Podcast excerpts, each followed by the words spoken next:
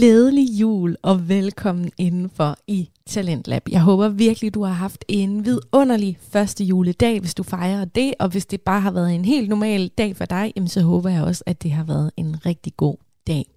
Nu er det i hvert fald tid til noget god radio, og det skal jeg præsentere dig for. Jeg hedder Sati Espersen, og når jeg siger radio, jamen så er det sådan lidt forkert faktisk, fordi du lytter jo til radio lige nu, live på FM-båndet. Det kan selvfølgelig også være, at du hører det her som podcast, men det er i hvert fald podcast, jeg kommer til at spille for dig, så det er ikke sådan noget klassisk produceret FM-radio, du skal høre de næste to timer. Det er simpelthen independent podcaster, du skal lytte til. Det vil sige, at du skal høre to forskellige shows, hvis du bliver hængende. Det ene er øh, podcasten Fritid med Mass og Paul, og det andet show, jeg har med til dig i dag, det er Spire Podcast, som er Cecilie Rimor Dalfeldt og Elisabeth Olsen, der står bag den. Jeg vil godt lige starte med Spire. Spire handler i dag om naturlige præventionsformer og den kvindelige menstruationscyklus. Simpelthen det bedste emne, man lige kan tage ind den 25. december ovenpå en god julefrokostdag og juleslik og det hele. Jeg ved, I er klar derude til at høre om det her. De to kvindelige podcastværter, de har simpelthen besøg af en gæst, og det er Ida Axholm, eller Axholm. Jeg er lidt usikker på udtalen, men Ida, hun ved så meget om præventionsformer og om biologi og om den kvindelige menstruationscyklus. Så man kan virkelig lære noget af at lytte med til den her episode. Altså, jeg har jo dyrket det her med cyklus og sådan noget i mange år, men jeg lærte nye ting af den her episode, da jeg sad og, øh, og skulle lytte den, før jeg sender den ud her på Radio 4. Så øh, kæmpe tommelfinger op til, til den episode, jeg sætter på senere med Cecilie Rimor og øh, Elisabeth Olsen. Den kommer sådan lige sidst på, på timen op mod nyhederne i dag. Så lidt ligesom vores årsskifte, det er jo en cyklus, ikke? så ligesom året er en cyklus, Nå ja, selvfølgelig. så har vi bare besluttet, at øh, okay, 1. januar starter der et nyt år. Det er lidt på samme måde. F- ja. Første menstruationsdag har man bare besluttet, nu starter der en ny cyklus. Mm. Så den starter med menstruationen, ja. så kommer den follikulære fase, og det er fordi de der små æg, det hedder æggeblære på dansk, men det hedder follikler på Ja, jeg, latin, tror jeg, jeg har hørt den altid kaldt follikelfasen. Ja, follikelfasen. Men det er ja. også forår og follikel, eller det er sådan... Det ja, det, det, det minder lidt om hinanden, det er rigtigt, ja. Det er jo et meget kvindeligt univers, Spire-universet, men jeg har også et meget mandigt univers med til dig, så der er ligesom øh, øh, lidt til begge smage, lidt til begge poler, feminint og maskulint. Og det maskuline, det står masser Paul for. Det er Fritid podcast, en af mine favoritter. Jeg siger det hver gang, men det er fordi, der er så meget tjubang, og der er så meget energi i deres univers, som jeg synes er, er mega fedt at lytte med på. I dag, der diskuterer masser Paul voksenfølelsen. Hvis du er til øh, en barnedåb, og du ikke kan lide at være til barnedåb, så er det ikke sådan, okay, men hvad serverer de til barnedåben? Så skal du bare slet ikke være der. Mm-hmm.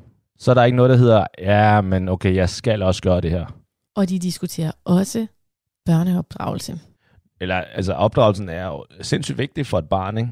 Har jeg nævnt, hvor meget jeg elsker, når, vi kan, når jeg får lov til at lave de her ah, full circle manøvren, og nu kommer vi tilbage til noget af det, vi har snakket om tidligere. Bam! Mm, prøv. okay, det tolker jeg som, det har jeg ikke sagt før. Okay. Ikke? Det, jeg finder stor tilfredsstillelse i, når jeg får lov til at binde den her øh, metaforiske sløjfe på et emne, ikke? Ja. Fordi jeg er da med på, at, at det kan være illusionsbristende for dig, at opdage, at okay, vi er ikke 100% enige i de her ting, ikke? Mads og Paul understreger virkelig for mig, hvor vigtigt det er med store personligheder øh, bag mikrofonen, og hvor godt indhold det skaber, når to store personligheder, som er sikre på deres egen mening, faktisk lidt tørner sammen og få en fed samtale ud af det. Så øhm, jeg kan love jer for, at der bliver nogle gode diskussioner i den her episode om voksenfølelsen og børneopdragelse. Og jeg må sige, den episode, den er simpelthen også spot on for mig lige nu, fordi jeg er lige blevet 30 år den 21. december, og jeg har en lille pige på 5 år. Så jeg har både sådan lidt udfordringer med voksenfølelsen. Jeg synes, den kommer nærmere og nærmere. Hallo, jeg er 30, det er da en kæmpe milepæl. Men jeg har også et par udfordringer nogle gange med børneopdragelse. Masse Paul, de har jo ikke børn.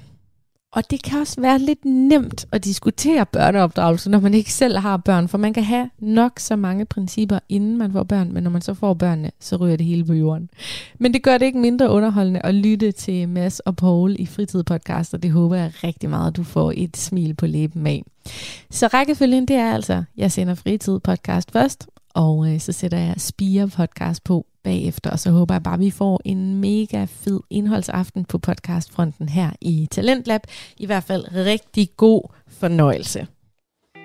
Velkommen til Fritid med Mads og Paul. Jeg er Mads. Og jeg er Paul. Og i dag belønner vi vores fast lyttere.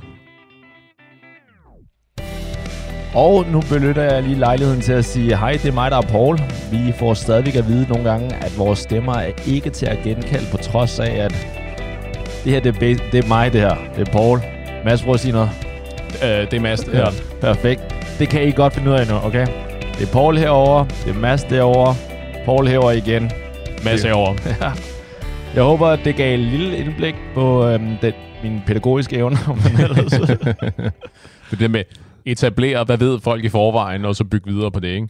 Plus, vi må gå ud, apropos det der med at belønne vores lyttere, ikke? de lyttere, vi har, de faste lyttere, de dejlige mennesker, der vender tilbage hver eneste uge, hver torsdag, de, de må efterhånden kende os. Ja, Skal man ikke tro det? Jo, det, det får jeg også vide nu. Det, de fleste, det er førstegangslytter, eller anden, tredje, tiende gangslytter. De siger stadig nogle gange, at de ikke helt kan kende forskel. Det er, dem, det er sådan, vi genkender vores ride or die crew. Det er sådan at sige, kan, du ikke, kan du ikke høre, hvem det er? Jeg kan da godt høre, hvem det er. Sige, det, okay, that's, that's my guy or gal. Du, du er med i mit crew. Ja, de er mærkelige, det er dem, der ikke kan kende forskel på os, når de ser os. Ja, den er, den er spøjs. Men det var det der uheldige faste kostume jeg havde en gang. Den, uh, de billeder er blevet slettet. Godt. altså, nu sagde jeg uh, sådan lidt tongue-in-cheek, at nu skal vi belønne vores lyttere. Det er måske i virkeligheden en anelse overdrevet. Men vores faste lyttere, eller i hvert fald i, den her, i det her sammenhæng, de lyttere, der hørte sidste afsnit, vil kunne genkende lidt af emnet, tror jeg. Fordi sidste gang vi snakkede, der snakkede vi lidt om uh, imposter syndrome. Og du spurgte mig, øh, hvilke situationer jeg øh, følte øh, det der imposter syndrome i. Ja. Og jeg ligesom etablerede, at om det var uddannelsesmæssigt og øh, jobmæssigt typisk. Det er de situationer. Ja. Men jeg kom i mellemtiden på en anden situation, øh, og jeg vil stille dig et spørgsmål, Paul, ja. som jeg plejer. Føler du dig voksen? Uh. Ja, så, så bliver det jo altid i hvilken situation. For jeg vil tro, jeg tror, i de... Jeg vil spørge på den Bestiller du selv tid, når du skal til tandlægen, Paul? øh, jeg ender med at bestille det, men det er sgu mest, når, når det gør ondt. Ja, når der er noget galt. Ja, det sgu aldrig den der... Når man bliver mindet om, at min mor bestiller ikke tid hos tandlægen til mig mere, og fortæller mig, hey, du skal til tandlægen i morgen. Gør hun det? Nej, hun, det, det, jeg siger, det gør okay. hun ikke. Når det går op for dig, sådan, holy shit, det er noget tid siden, jeg har været hos tandlægen. Okay, det... Jeg skulle, altså, siden man blev 18, så har man ikke fået en reminder. Okay, det, min tandlæge giver mig reminders tit og ofte, men nu er altså lige, det er også relevant, fordi jeg har lige været hos tandlægen. Øh, sidste gang jeg var, forrige gang jeg var hos tandlægen, det var før corona-lockdown, så det var lige pludselig en lang periode. Det var to år, hvor jeg ikke har været hos tandlægen. Og øh, hvor mange huller? Øh, et. Okay, alright. Hvilket er pinligt, men... Øh, Nej, er det ikke okay? Ja, det ved jeg ikke. Det kunne have været værre. Han havde noteret, at der var en, der var en skygge forrige gang, jeg var der. Og så sagde han så, ja, den er blevet lidt større, så nu, nu må vi bore. Nu, det har, vi har ikke haft nok øh, patienter og indtjening de sidste to år, så nu, nu bor vi bare. Ja, nu kører vi. der er nogle tænder, der skal fjernes, nogle root canals, der skal udføres. Øh, men, ja, okay. i, men i vælg en situation, du ved, det lyder som om, at når du siger, i hvilken situation, ja. spørgsmålstegn, det tolker jeg til at betyde, at du har allerede nogle tanker i hovedet ja. om, hvornår du ikke føler dig voksen, og så nogle, ja. hvor du føler dig voksen. Altså, de der... Jeg vil ikke sige, at jeg ikke føler mig voksen. Jeg føler mig mere som en rockstjerne, men stadigvæk ikke voksen. så dit øh, Ej, lørdag, lørdag formiddag, søndag formiddag, når jeg har kæmpe kamp tømmermand, ikke? Aha. Der tænker jeg for det første, godt arbejde i går, Paul. Til gengæld tænker jeg også, fuck, hvorfor bliver jeg ved med det her? Er det der, du savner din mor allermest? Mor, kan jeg ikke få noget, noget burger med? Der er det det gode ved øh, de der online apps, ikke? eller apps, hvor du basically kan bestille alt. Så behøver jeg ikke rigtig en... Så det er sådan en, en surrogat-mor, der kan komme med noget snasket mad og tage sig af dig? Altså, jeg vil tro, hun bliver ked af det, hvis, hvis jeg sammenligner hende bare med en... Med vold? Ja, med noget, der kommer med mad. øhm, Fair nok. Ja. Det, nok. Det, det, er til gengæld det samme accent, de taler, når de afleverer mad. det var meget fint. ja. Nej, øh, så der, der føler jeg i hvert fald ikke altid, at jeg lige er voksen, men jeg, vil, jeg tror faktisk mere og mere, og det, det irriterer mig måske lidt, at jeg synes det, men jeg vil tro, mere og mere synes jeg faktisk, at jeg er voksen. Jeg føler alligevel, øh, fordi der er et ansvar med arbejde med den her podcast og sådan nogle ting, at der tænker jeg bare, okay, når jeg har pligter, mm-hmm. så føler jeg mig mere voksen. Ja. Og når folk kommer over og spørger mig om ting, hvor de rent faktisk gerne vil have min holdning, og det er ikke kun for at flirte eller lignende, der, der bliver jeg også sådan, alright, det her, det... De der uskyldige praktikanter, der kommer hen og har det der blik i øjnene, sådan, Paul, du ved så meget, du er så voksen, lær mig nogle ting. Ikke kun de uskyldige. men bare generelt, synes jeg, der, der, der, der føler jeg mig voksen, hvor jeg måske engang oh, nu igen, jeg lyder gammel her, men på et, i meget lang tid har jeg altid tænkt sådan, okay, jeg, jeg burde ikke være her. Altså, jeg, ja. jeg, jeg, jeg er stadigvæk, øhm, jeg er stadig en lille knægt. Det her, det er, yes. ro på, mand. Lad være at spørge mig om sådan nogle ting. Jeg var sådan, at jeg, er, jeg, jeg er, ikke lige, er jeg ikke lige gået ud af 3. G? Hvad skal jeg? Nå, ja. nej, det er, det er snart halvdelen af mit liv i siden. At, Shit, øh, det er det. Ja, ikke? Men, og det er jo i virkeligheden, det er, det er jo i virkeligheden det, det ligesom handler om, ikke? Fordi ja. jeg har da helt, jeg ved ikke om, jeg tror det meste af tiden, det er meget, meget sjældent, at jeg aktivt tænker over, at øh, jeg er en grænvoksen mand. Ja. Jeg, du ved, og det var på det der valg, der lige var, ikke? Jeg, jeg skal stemme, og jeg skal være pligtopfyldende, og ansvarshavende, og du ved, der er ikke noget, hvis jeg, øh, hvis jeg ikke dukker op på arbejde, det, du ved, det, det, det er mig, der står til regnskab for det. Det er ikke min mor, der skal skrive en seddel, og som jeg så afleverer og sige sådan, åh ja, men han Mads havde en, Mads var syg, og sådan. Altså, der er ikke, du ved, det er ja. mig, det alt sammen ligesom rider på. Og jeg er ikke sikker på, at jeg kan lide den idé. Det Nej. der med, at nu det, nu det i virkeligheden mig, der skal vide ting og kunne ting, og der er ikke nogen, der samler op efter mig, hvis jeg er en, hvad hedder det, en, en failure. Ja, ah, basically. Ah, Det ene eller det andet. Det, er også, det, det udelukker ikke hinanden heller. Agree. Så jeg kan sagtens være en idiotisk failure. Men, uh, men apropos det der med valg, ikke, ikke er det, vi skal tale om valg. Ikke? Men så jeg har lige et spørgsmål. Ikke? Aha, nu kun var det, ja, to spørgsmål. Okay. Okay, så der, vi, der var valg her for en uge eller to uger siden, ikke? Noget tid siden. For, ja. for et afsnit siden, ja. der var der valg. Der var der valg. Øhm, så mit, jeg, mit første spørgsmål... Jeg har to spørgsmål. Mit første spørgsmål Jeg fortæller er, dig ikke, hvad jeg stemte. Hvem stemte du på? Aha. Og hvorfor var det Dansk Folkeparti? Oh, kæft, man. De jokes må med ved at være gamle der. Well, der er sikkert nye lytter. ja, lige præcis. Ja, men jeg stemte, okay. ikke, jeg stemte ikke Dansk Folkeparti. Nej, det er fair. Det er fair. Jeg, jeg, jeg, ret meget, som jeg lyder, og som jeg udtaler mig, jeg stemmer ret meget øh, lige ned af, lige ned af midten. Okay. Der er ikke nogen ekstremer på spil. Nej. i virkeligheden, jeg er bange for, at det gør mit liv ret kedeligt. Du ved. Det, som, det, som jeg også har nævnt tidligere. Det kunne godt være, det var, i virkeligheden var mere interessant, hvis jeg havde mere ekstreme holdninger. Det er meget, meget sjældent, jeg har ekstreme holdninger, tror jeg. det, nej, det tror jeg ikke. Men... Det, er en, det er som led i det der med at være voksen. Ikke? Så, jamen, vi må gå på kompromis, og vi må finde ud af, og bare, bare, bare. Ikke? Jeg, jeg har ikke jeg har ikke mit ungdomlige sind, hvor jeg kan være oppe på barrikaderne og råbe og smide med molotov-cocktails og sådan noget. Synes du det, at det det, der er at være voksen, at man går på kompromis? Det tror jeg. Det tror jeg er en, en stor del. Det er være, eller det med at være voksen, det ved jeg ikke, men det er en stor del af det der med at være moden i hvert fald. Ikke? Og sige, jeg er med på, jeg kan ikke nødvendigvis altid få min vilje, så øh, quid pro quo, Clarice. Nu, du give a little, get a little, ikke? Okay, jeg, der, jeg er ikke nødvendigvis enig med det. Okay. Fordi at i, det her med, okay, du kan ikke altid få din vilje, det er jeg helt enig i. Mm-hmm.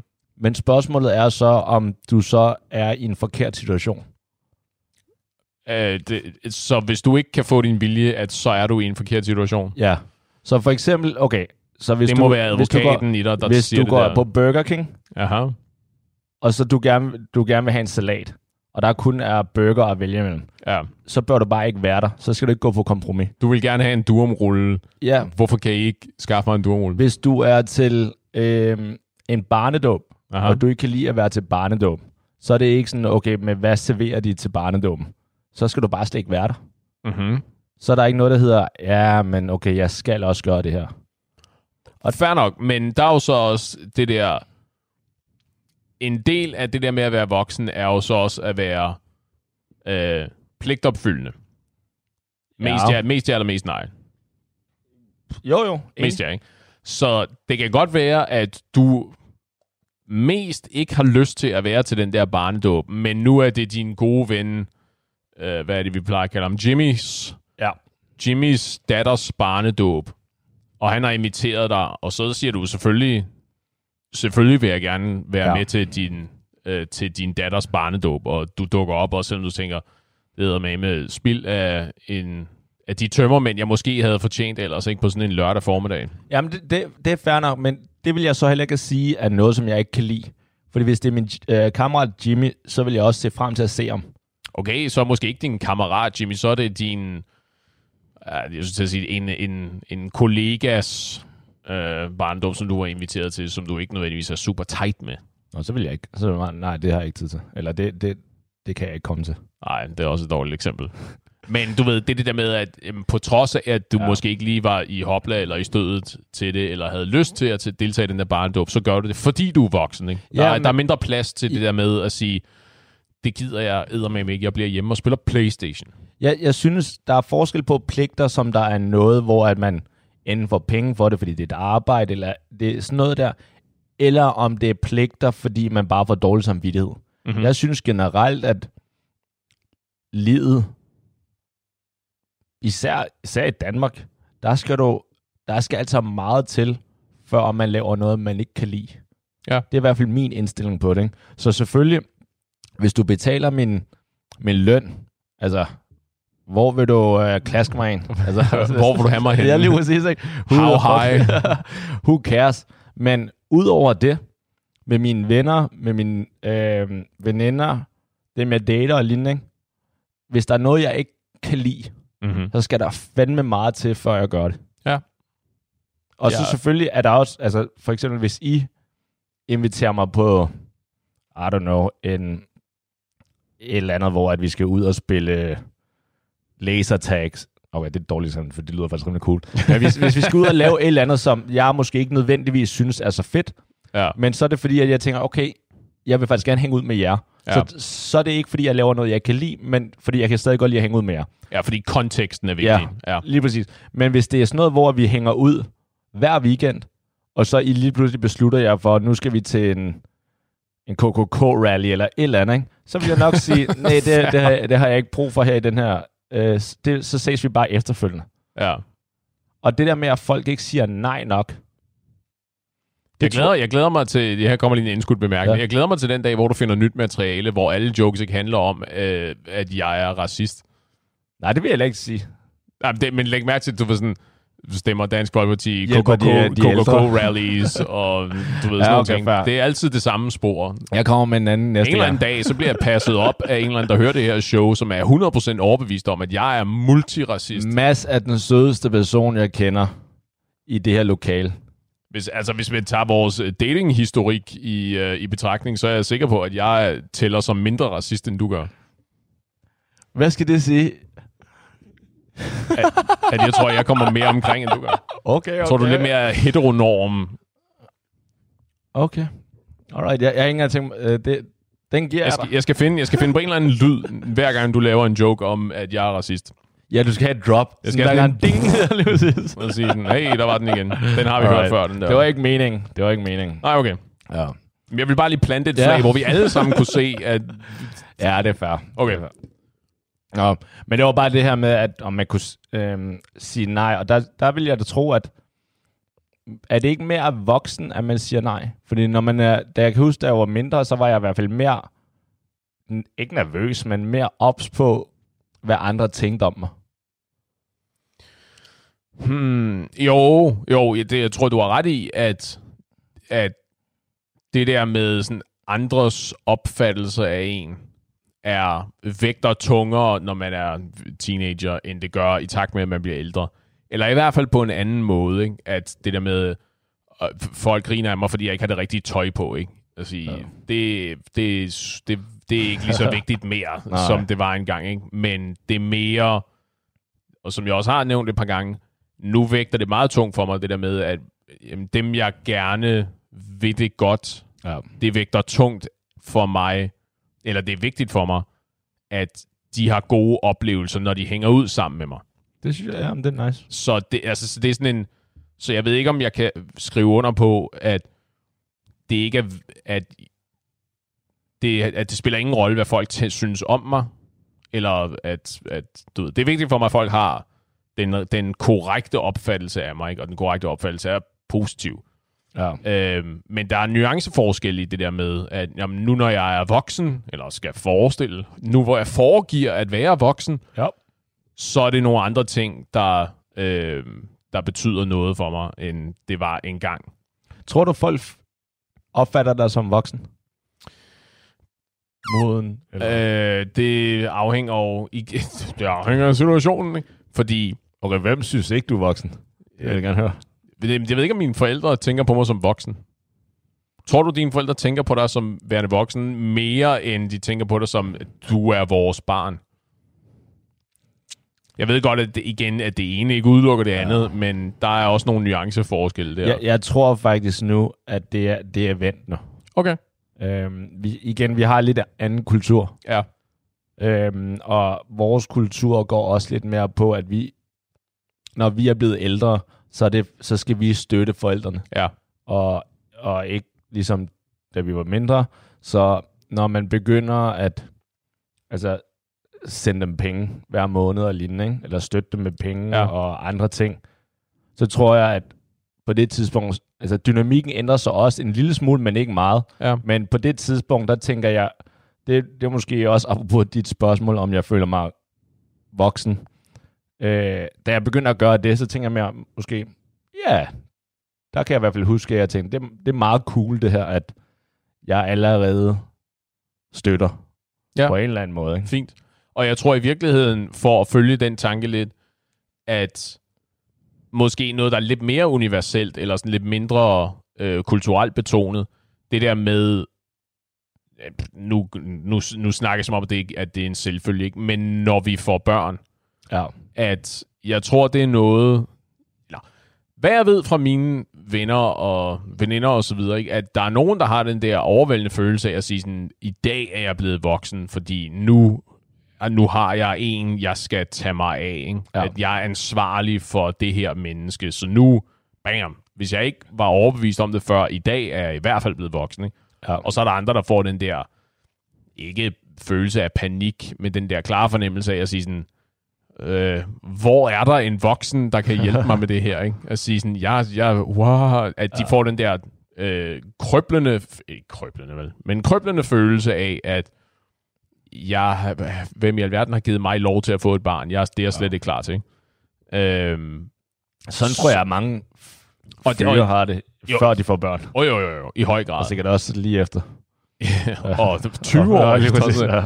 Men det var på det der med, øh, hvad forældrene, hvad forældrene, dine forældre tænker om dig. Ikke? At ja. det kan være, at deres opfattelse, nu er jeg med på, at der var det der med forsørgerprincipperne, Ja. I, I hvert fald i uh, der, hvor du kommer fra. Kina. Ar- Amager. Ja, Amager. Men også, at, uh, at deres syn, eller mine forældres syn på mig, ændrer sig måske også den dag, jeg får børn. Ja. Uh, at igen ikke, at det er en selvfølge, men at i stedet for at de tænker på mig som værende deres barn, så er det måske mere et spørgsmål. Nå, men det er vores barnebarns far. Ja. Giver det mening? Ja, men, men der, der har jeg bare altid tænkt, især for, for jer, for jer danskere, eller i hvert fald etniske danskere hedder det vist, ikke? Det, jeg, det er der noget, der ja, hedder i hvert fald. Jeg vil ja. også selv sige, at jeg er dansker, men... Ja, jeg skulle lige til at ja. sige sådan, i modsætning til Nå, dig. jeg også, men med, sådan etniske, hvor at... Hvide mennesker. Ja, hvor at, sådan som jeg kan forstå det i hvert fald, der, når I bliver 18, ja. der er forældrene så klar til at smide jer ud. altså, I skal bare ja. ud så hurtigt som muligt, ikke? Ja. Hvorimod, jeg kan huske, da jeg blev 18, der boede jeg stadig hjemme, og da jeg tror, jeg var i, ah, måske som 19 eller 20-årig på universitetet der, hvor jeg tænkte, okay, nu vil jeg altså ud, nu, vil jeg, nu har jeg fået en, fundet en kammerat, som jeg kunne bo sammen med, lignende. Jeg kan ikke huske, hvornår jeg har haft et skænderi med mine forældre. Nej. Øh, og på, da jeg spurgte om det, det var ikke som, det var et lille skænderi, men altså, jeg har aldrig haft et, altså hvor at min far blev så sur på mig. Fordi at han følte lidt, sådan lidt, hvorfor er det, du vil ud herfra? Hvorfor vil du væk her? Du får alt, og vi laver mad Nå, til dig, vi vasker ja. dit tøj, det der. Hvor, hvorfor er det, du vil væk? Det tog mig lige et øjeblik, ja. ja. Øhm, det vi så bare kulturforskel, ikke? Ja. Hvor at, jeg tænkte, for jer som 18-årig, der må jeres forældre jo allerede tænke, okay, jamen, han er gammel nok, han er en voksen mand, han kan, han kan klare sig selv. Ja, altså jeg, jeg boede jo også hjemme, indtil jeg var øh, 22, tror jeg. Så okay. jeg, var, jeg blev heller ikke smidt ud. Men jeg har også hørt historier fra venner om at sige sådan, jo, jo den dag de fyldte 18, så skulle de begynde at betale husleje. Ikke? Ja. så er det sådan, at du er velkommen til at blive boende her og betale husleje, men du kan også fise af og så finde dit eget sted og betale husleje der, ikke? hvor ja. du ligesom kan være dit eget, din egen person. Så jeg tror, jeg ved ikke, om det er et tegn... Er det, fordi folk er, forældre er pinlige over at have deres børn boende, eller ej, det har jeg så svært ved at forestille mig. Hvorfor skulle, hvorfor skulle det skifte lige så snart du bliver 18? Ikke? Nu, har du, nu har du boet der i 18 år og sige, men 19 år, det er kraftet med pinligt. Ja, måske sådan, okay, nu er du myndig, og dit barn ikke er flyttet ud endnu. Ja, det har det, det, jeg, ved, jeg har aldrig tænkt, at nu slog du mig bare... Jamen, lige, øh, men det, det, det, jeg havde heller ikke tænkt på det før, men det har jeg så svært ved at forestille mig. At sige, man skal med med være en, en mærkelig forældre, hvis, det, hvis man tænker, at det er pinligt. Ja, fair nok. Pin, ja. Det kan godt være, at man vil bare have, at de skal stå på egen ben der, ikke? Jo, eller at, eller, at, eller at dit liv er konstrueret på en måde, hvor du, det lyder hårdt det her, men hvor du er en økonomisk byrde. Så sig, altså, du er 18 år, ikke? Det, du er i en alder nu, hvor du er, du, du kan være gået ud af gymnasiet, ikke? Ja. Og sige, du bor hjemme, du bruger øh, el og varme, og du spiser en helvedes masse mad, må vi gå ud fra. Øh, og hvis dine forældre ikke hvis dine forældre ikke har velbetalende jobs, altså det, det er bogstaveligt talt penge, de betaler til at have en tredje person boende, der er fuldt kapabel og burde have eget, have en, sin egen tilværelse på det her tidspunkt. Ja. Men det er så måske i virkeligheden et spørgsmål om, hvad de har været vant til. Ikke? Altså, at hvis dine forældre flyttede hjemmefra, da de var 15 eller 16 år gamle, ikke? og havde etableret deres eget liv, og ja. du ved, få år efter havde fik, fik dig og var du ved, på vej til at stifte egen familie og alt det her, at så kan det da godt være, at det er at kløften mellem dine forældres øh, opvækst og din sådan ren kulturelt ja. er så stor, at det er det chok ja. for dine forældre, der gør det svært for dem. Ikke? Også, eller eventuelt, at de også forventer ting. Ikke? Fordi ja. nu ved jeg ikke om...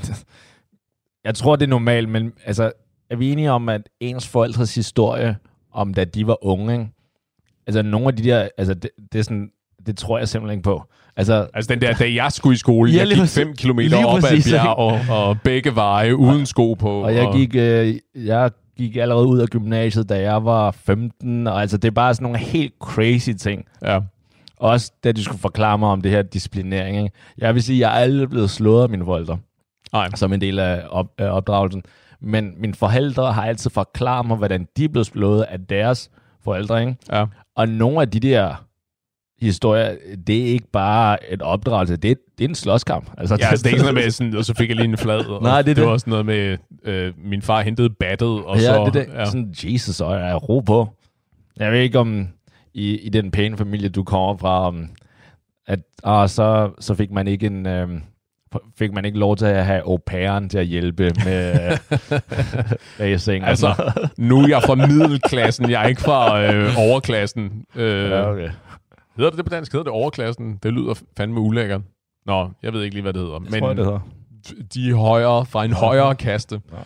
Ja. Øh, nej, det, øh, det, det er super øh, snot almindelig middelklasse agtigt du ved. Men det kunne godt være, hvis de allerede var ude og arbejde der som 15-årige. Og, og, Det er sjovt, jeg og, ved faktisk ikke, hvor, hvor meget anderledes det var. Jeg, jeg har en forventning om, at mine forældre havde det ret meget på samme måde, som de har opdraget mig på. Okay. At der ikke, er, der ikke har været de helt store forskelle, du ved. At det har været ret... Der har, ikke, der har ikke været pres på, for at mine forældre skulle ud af vagten og ud og skabe deres eget liv og deres egen identitet. Og hvis de hang ud hos deres forældre i længere tid, at så blev det gjort helt tydeligt for dem, at de ikke var velkomne. Wow. Det er ikke sådan, jeg... Det er ikke det indtryk, jeg har i hvert fald. Og hvorvidt det er rigtigt, det skal jeg så ikke rigtig... Det skal jeg ikke kunne sige. Men jeg tror også, det er derfor, at de har opdraget mig på den måde, ja. at du ved, der, der har aldrig, de har, jeg har aldrig hørt mine forældre fortælle mig, at puha, du fylder godt nok lidt i landskabet. Var, var det ikke på tide, at du ligesom fandt dit eget sted? Var, tror du ikke, at vi skulle til at få mobiliseret dig? Fordi hold da kæft, jeg, kunne, jeg har gode planer om, hvad jeg kan gøre med det værelse, du bor i. Billiardbord derinde, eller Ja, lige præcis. Hold kæft, man. Jeg har gået og fantaseret om det der hjemmekontor, ikke? og det, mit skrivebord kunne stå lige præcis der, hvor din seng står. Det, Jo. det har jeg aldrig hørt dem tale om. Det her, det kan godt være, Mine det forældre er fantastiske. I hørte det her første gang. Ja, jeg ville skulle lige gøre det, tydeliggøre det, ikke? Nu, og det her, det måske går vi ned ad en, en anden tangent, ikke, end det vi... Men det er faktisk noget, som jeg har tænkt meget over. Ikke? Nu, nu har du øh, nu har du haft kæreste, og tydeligvis flere, end jeg har, øh, lød det til. øh, Skulle jeg lige etablere? Ja, men jeg tænker bare, sådan noget med Jeg er, ikke, jeg, er ikke, jeg er ikke sikker på, at det, nej, nej, at det nej. taler til min fordel. I don't know. Men sådan noget med opdragelse af børn, ikke? Ja. Fordi at man skal jo have den samtale på et eller andet tidspunkt, for noget af det, jeg er mest er bange for faktisk, som jeg også er bange for i et forhold, det er, at så, så forelsker man sig i en, øh, i en, så man, du passer bare helt perfekt. Alt er bare et eller andet grønne skove, ikke? øh, Ja. Ja. Men så... White picket fences Ja. og... Men så det her med opdragelsen af ens børn. Hvis man, hvis man får barnet, og så der går det op for en, okay, vi er helt forskellige. Mm-hmm. Altså, Mhm. vi er vidt forskellige, ikke? Ja. Hvad gør man der? Altså, det afhænger over af, hvem man er. Man er stærkere end den anden. Nej, det er jo det. Alright. Det, det, er jo en, det er jo en måde at gøre det på. Og så sige, øh, du ved, min, min datter skal spille fodbold, og din kæreste siger sådan, det skal hun i hvert fald ikke. Min datter skal spille øh, badminton, ja. eller sådan et eller andet. Sige, min datter skal i hvert fald ikke spille sådan en lortesport, sådan, og, bla, bla, og det må vi lægge arm om, ikke? og sige, den der vinder, øh, får lov til at bestemme. Ikke? Ja. Altså, der er der måder, og man har da også hørt historier om folk, der har haft de der, øh, hvad skal vi kalde dem, semidestruktive måder at træffe de beslutninger om. Det Ja. de bes- med måder at træffe de beslutninger på, hedder det. Øhm, Så slår vi om det, eller altså sådan med terning eller noget. Ja, jo, eller, eller har, de, har de her måder, hvor, øh, hvor det bliver sådan konkurrencebetonet, ikke? Eller folk, der træffer de her øh, executive decisions om deres børn og deres børns interesser, ikke? Uden i virkeligheden at prøve at finde ud af, hvad, hvad føles, hvad lader til at stimulere vores barn, ikke?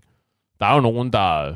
Øh, Altså, det har jeg ikke noget imod, hvis så længe, at jeg er enig med min bedre halvdel. Hvis vi begge to er enige om, at han eller hun, eller den, skal spille violin. jeg skal det der, så er det det, vi gør. Right. Altså, du bor under vores tag. Mm-hmm. Du er tre år, du skal til at komme i gang. Ja, lige præcis. Du skal blive, øh, whatever, gymnast.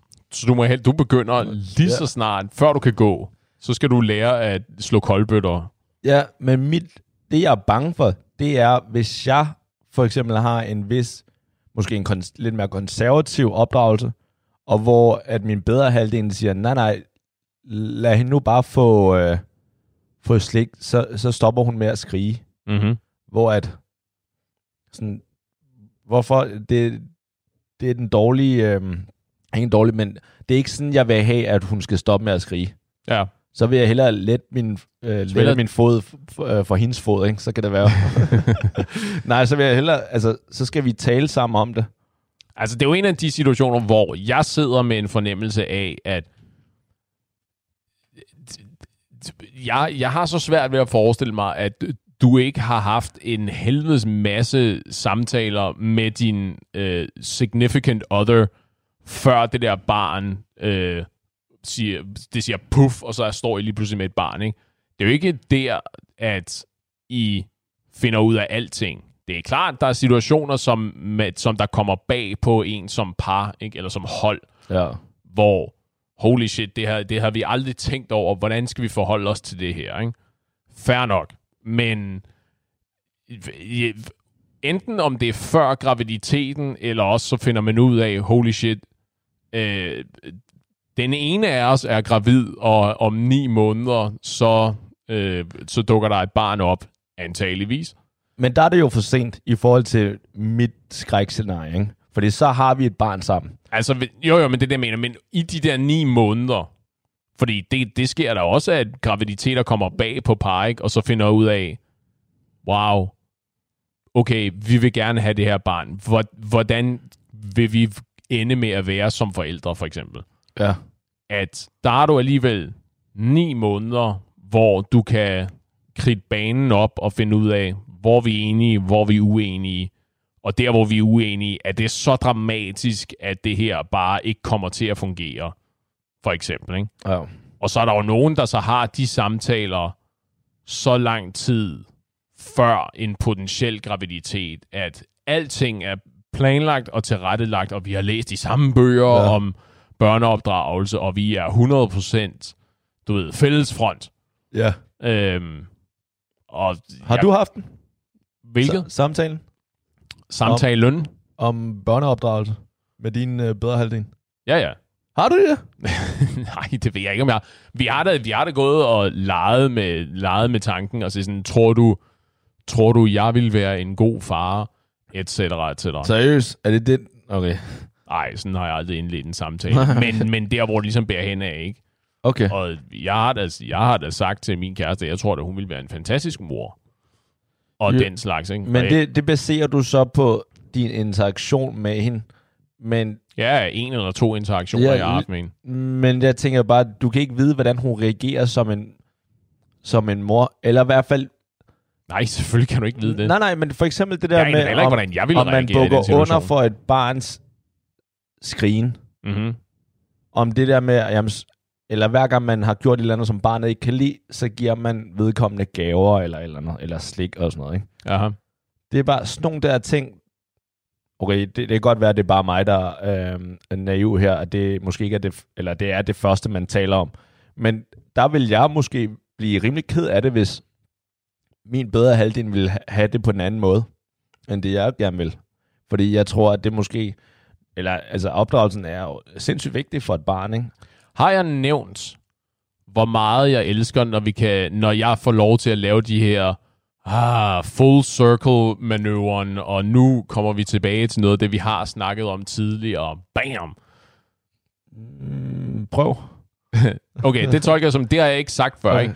Det, jeg finder stor tilfredsstillelse i, når jeg får lov til at binde den her øh, metaforiske sløjfe på et emne. Ikke? Ja. Fordi jeg er da med på, at, at det kan være illusionsbristende for dig, at opdage, at okay, vi er ikke 100% enige i de her ting, ikke? Men en del af det at være voksen er at gå på kompromis. Har jeg ikke, øh, det tror jeg, jeg har sagt jo, tidligere, det her afsnit. det mener du jo, Bam. men det mener jeg jo ikke. Ja, nej, men det er jo fordi, du tager fejl. Ah, okay, fair nok. Den pointe, den havde jeg ikke fanget. Okay. men jeg tænker bare på det lige præcis, og det synes jeg faktisk er en rigtig god pointe. Lige på det der, vil jeg jo det vil jeg jo ikke gå på kompromis med. Måske. Nej, præcis, fordi, fordi i forhold til det, du sagde, ja. ikke, at du sagde tidligere, ret mig, hvis jeg tager fejl, at hvis ikke du kan få det, som du vil have det, så er du tydeligvis det forkerte sted. Ja. Og der er situationer, hvor det er, øh, hvor det er en nem leveregel, ikke? Fordi jeg siger, du ved, Burger King-eksemplet, at sige sådan, have it your way, ikke? Jeg kan tydeligvis ikke få det, som jeg ja. gerne vil have det, ikke? I er fuld af lort. Ja. Jeg går et andet sted hen, ikke? Ja. Det er lidt svært, når det er dit barns liv. Der er tydeligvis for nogle mennesker, så er det ikke særlig svært, ikke? At sige sådan, hold da kæft, det er med mit lorteprojekt, det her. Det gider jeg ikke. Jeg ja. går. Nej, men det er jo, i, hvis vi tager Burger King eksempel, ikke? Der har du allerede bestilt burgeren, så kan du ikke brokke dig. Men men det er præcis det, jeg men siger. Men i forhold til, hvis jeg allerede med det samme, eller når jeg taler, når jeg datet en pige, og så taler vi efter et halvt år, eller hvor lang tid det nu tager, at man tager den samtale, så, så finder jeg ud af her, okay, det her det går helt, det går helt galt, eller vi er så langt fra hinanden, og derfor, så vil jeg ikke gå på kompromis, og så smutter jeg. Mm-hmm. Og det synes jeg hellere, man skal gøre, end at sige, okay, nu går vi på kompromis, så, så får jeg lov til at give øh, fornavnet til barnet, og så får hun hele opdragelsen. Lov til at bestemme hele opdragelsen, ikke? Det er apropos øh, traditionelle kønsroller og arbejdsfordeling, som jeg heller ikke kan huske, om er et afsnit, vi har haft, men måske skal tage på et tidspunkt, ikke? Og sige, øh, nej, men jeg må gå ud fra, at det, at, at man må have gjort sådan nogle tanker, rent hypotetisk, ikke? Den der klassiske situation, eller den der klassiske stereotype om, at alle kvinder har en idé om, hvordan deres bryllup ligesom skal være, ikke? Ja. Hvilket demonstrativt ikke er sandt. Ej, der er også en del fyre, nemlig. I høj grad.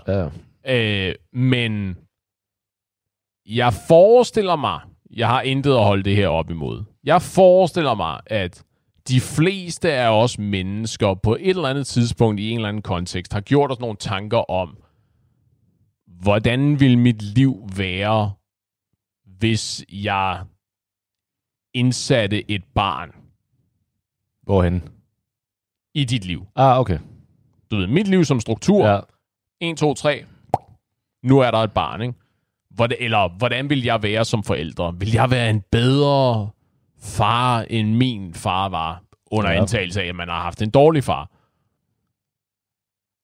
Jeg har et håb om, at det ikke kommer så meget bag på en, at det er en, du ved, at nu den der, den der graviditet kommer fuldstændig bag på en. Ikke? Det er jo ikke, fordi det er i de færreste situationer, må vi gå ud fra, hvor der kommer en kvinde og præsenterer dig med et barn og siger, junior din, gør noget ved det, ikke? Og du har gjort dig nul overvejelser, ikke? Alting kommer bag på dig. Ja. Jeg forestiller mig, at de fleste af os har gjort os nogle tanker, ikke? Så vi ikke bliver sat ind i de her situationer fuldstændig grønne. Ja. Så det der med, at, øh, at det er så problematisk, hvis ikke situationen er så problematisk, hvis ikke du er 100% enig med din SO. Det, det har jeg lidt svært ved at forholde mig til. Din bedre halvdel. Ja. ja. Din signifikante... Øh, yes, uh. der overstår Lige præcis. Ja. Giver det mening? Jo, jo, ja. Jeg ved ikke, om det kom lidt ind fra, om det, om det svarede, om det i virkeligheden ikke svarede på noget, om det kom meget left field, um, det der. Nej, altså, jeg, jeg tror, jeg, der, jeg håber, at det, at det er det, der sker. At man når at have den samtale med den bedre halvdel. Det er bare, jeg har aldrig haft den her samtale med nogen af mine ekskærester. Men nu har jeg heller ikke, øh, igen ret mig, hvis jeg tager fejl, nu har jeg heller ikke haft indtryk af, at der er nogle af dine ekskærester, hvor du har været så investeret, at du tænker, det her, det, det skal føre til, du ved, øh, familie, familieforøgelse og øh, du ved, lykken af en Volvo og hvidt stakit og en hund ah. og barn, for eksempel. Nej, altså selvfølgelig har jeg da i mit hoved lige fantaseret lidt i øh, med det. Det gør man, altså man dagdrømmer vel altid. Præcis. Men så har jeg vel også med det samme sagt til mig selv, fuck dig, Paul, stop med fantasere på den måde.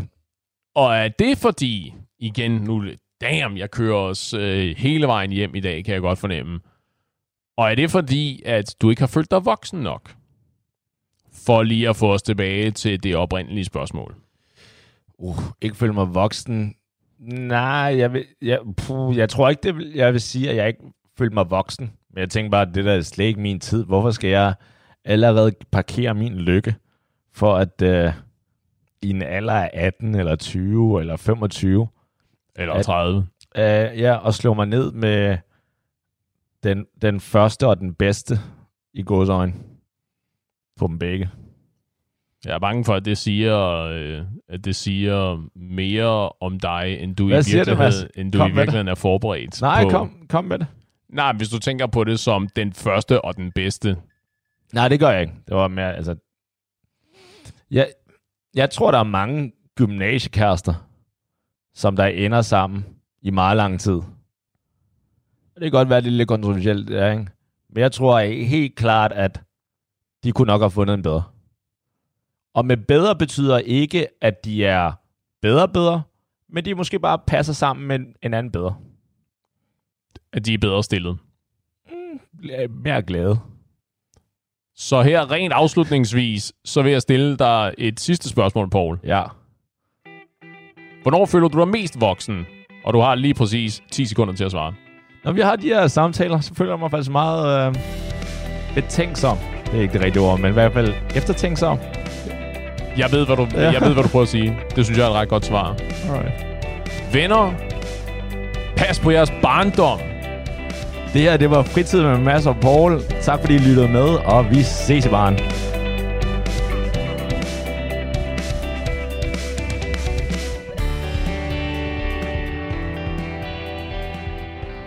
Nå, nu er jeg næsten spændt på at høre lytternes tanker her på Radio 4. Føler I jer voksne? Det var meget det, der var temaet her i Fritid Podcast med Mads og Paul. Og jeg delte i, i introen, som du måske er gået glip af her, som klokken 5 minutter over 10, da Talentlab gik på, der delte jeg, at nu er jeg jo lige fyldt 30 år. Og det har jeg faktisk talt ned til i mange år. Jeg synes, 20'erne det er en vattet affære. Altså 30'erne, det kan noget, det er det nye sorte. Og øhm, ja, bare på de der få døgn, hvor jeg har været 30, jamen, jeg føler mig voksen. Jeg føler mig simpelthen stemplet nu til at være et voksen menneske, der tager voksne valg. 20'erne, det var sådan lidt mere so-so. Så øh, det har været spændende for mig også at lytte med på øh, episoden her med, øh, med Mads og Paul. De sætter altid mange gode debatter i gang inde i hovedet, og så kan man jo sidde og diskutere med hjemme bag højtalerne. Nu skal vi til et helt andet podcast show med en helt anden energi og stemning. Og øh, vi skal høre Spire Podcast. Spire Podcast er lavet af Elisabeth Olsen og Cecilie Rimor Dalfeldt. Og i dag der har de en gæst med. Og det betyder faktisk, at øh, Cecilie og Elisabeth lige nævner i starten, at måske er lyden dårlig, fordi de deler mikrofonen. Men det synes jeg simpelthen ikke, den er. Jeg synes, der er crispy lyd her den næste time. Virkelig, virkelig podcasting af høj kvalitet. Ida Axholm, som er gæsten i dag, hun ved en masse om naturlig prævention. Hun ved meget om den kvindelige cyklus og øh, informeret valg til at vælge præventionsform. Så der er virkelig mulighed for at lære en hel masse nu. Hvis du har en, en teenager, jamen så hiv dem ind i stuen og få dem til at lytte med, fordi jeg tror, det kunne være spændende for mange teenager at, at vide noget om det her med fertilitet og undgå graviditet og cyklus sådan helt generelt. Så rigtig god fornøjelse med Spire Podcast.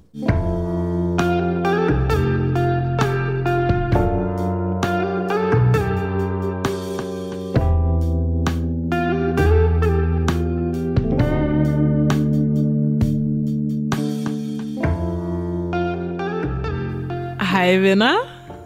Velkommen til, og velkommen til endnu et afsnit af Spire. I dag så øh, er det en helt speciel episode, fordi vi har en gæst med i studiet. Hej Ida. Hej. Velkommen til, tak. og øh, tak fordi du gerne ville være med. Og øh, inden vi går helt i gang, så vil jeg sige, at Elisabeth og jeg, vi taler i samme mikrofon i dag, så hvis stemmerne er lidt svære at skille så prøver vi at sige vores navn en gang imellem, så I ved, hvem der er hvem. Og øh, i dag så skal vi snakke omkring prævention, og øh, Ida er med i dag, fordi hun ved rigtig meget om cyklus og naturlig prævention, og har også nogle helt fantastiske kurser, hvor hun hjælper kvinder til at forstå den her cyklus bedre. Og øhm, det er rigtig vigtigt for os, inden vi går i gang, at sige til dig, der lytter med, at vores intention det er overhovedet ikke at presse noget ned over hovedet på nogen. Vi vil bare rigtig gerne hjælpe dig, hjælpe andre mennesker og os selv til at forstå vores cyklus bedre, sådan så vi kan træffe det valg, der er rigtigt for os. Og med det sagt, hvem er du, Ida? jeg vil sige amen. Amen. Det er så vigtigt at sige, at øh, altså, min mission er 100% et informeret valg. Ja. så bare det, at man ved mere om prævention, men også at man selvfølgelig ved, at det er også muligt at vælge en præventionsform, som er uden hormoner. Mm. Ja. Øhm, jamen, hvem er jeg? Jeg hedder Ida, og jeg øh, har selv været af p-piller i fire et halvt år, tror jeg, eller sådan noget.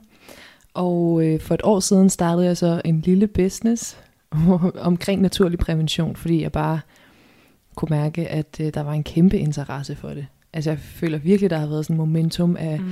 unge kvinder, der gerne vil lære deres krop bedre at kende, men også øh, forskning om de her mentale udfordringer med hormonprævention og alt sådan noget. Så der har ligesom bare været flere og flere ting, som gør, at, øh, at unge mennesker er interesseret i at lære deres krop at kende, og måske endda smide deres hormonprævention. Mm.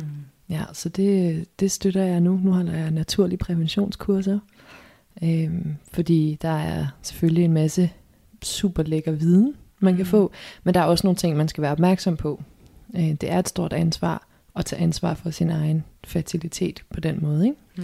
Mm. Øh, og Ida er gravid, Ja, vil jeg også lige sige. Men vi vil også sige, at det er 100% tilvalg. 100% med vilje. Whoopsies. ja, det er rigtigt. Ja, så dejligt også selv at kunne øh, vælge, hvornår man så gerne vil være gravid lige pludselig. Du fortalte os tidligere omkring, hvad du havde læst, og mm. din mor, der havde fortalt dig omkring p-pillerne og sådan noget. Det synes jeg bare så var virkelig spændende. Ja. Ja, så min egen præventionsrejse, og igen vil jeg virkelig, jeg vil slå et slag for at gå ind og høre jeres præventionsrejse afsnit, øh, fordi jeg kan spejle mig rigtig meget i de overvejelser, I har gjort jer, og de erfaringer, I ligesom har haft jer.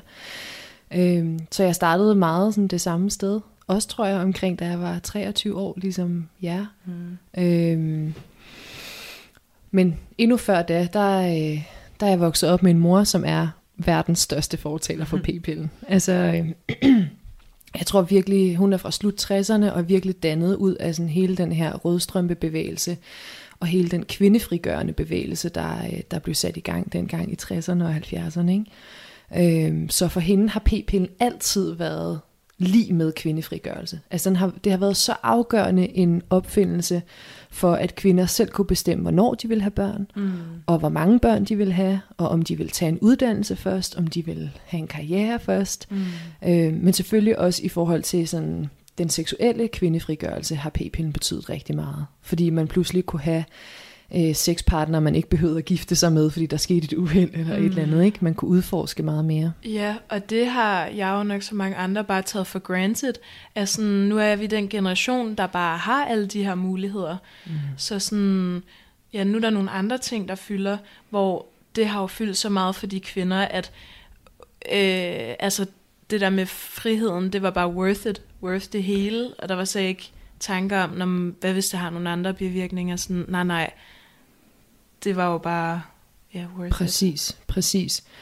Så jeg har, jeg har haft flere diskussioner med røde strømper, der har været sådan, det er et kæmpe tilbageskridt for ligestillingen, du har gang i der, og mm. hvad er det, du okay. lærer unge kvinder, og altså, øh, jeg tror bare, at den, den generation skal også forstå, hvor den nye generation er henne, at vi er meget mere bevidste om bivirkninger, øh, og at langt de fleste i dag har jo problem med ikke at kunne få de børn, de så gerne vil have, ikke? Mm. Altså at det, problematikken er vendt om på en måde. Nu er problemet ikke, at man måske bliver for tidligt gravid, eller sådan. Det er, det er nok nærmere det omvendte, at man så ikke kan få de børn, man gerne vil have, når man stopper på hormonprævention, som jeg tror gennemsnittet er 31,5 år eller sådan noget i København. Okay, wow. øh, og det er sent sådan rent biologisk, ikke? Og så har man slet ikke kunne se, om der for eksempel var nogle hormonelle ubalancer inde under de der p-piller. Mm. Så, øh, så ja, det, det, det hjalp i hvert fald mig at forstå den historiske baggrund, og hvorfor så mange læger også er virkelig fortaler for hormonprævention, mm. som jo bare har gjort det så nemt ikke at blive gravid prisen for den sprødeste stemme i Talentlab, den må altså gå til gæst Ida Axholm, som er med i Spire podcast lige nu, og vi kan høre resten af samtalen sammen på den anden side af nyhederne.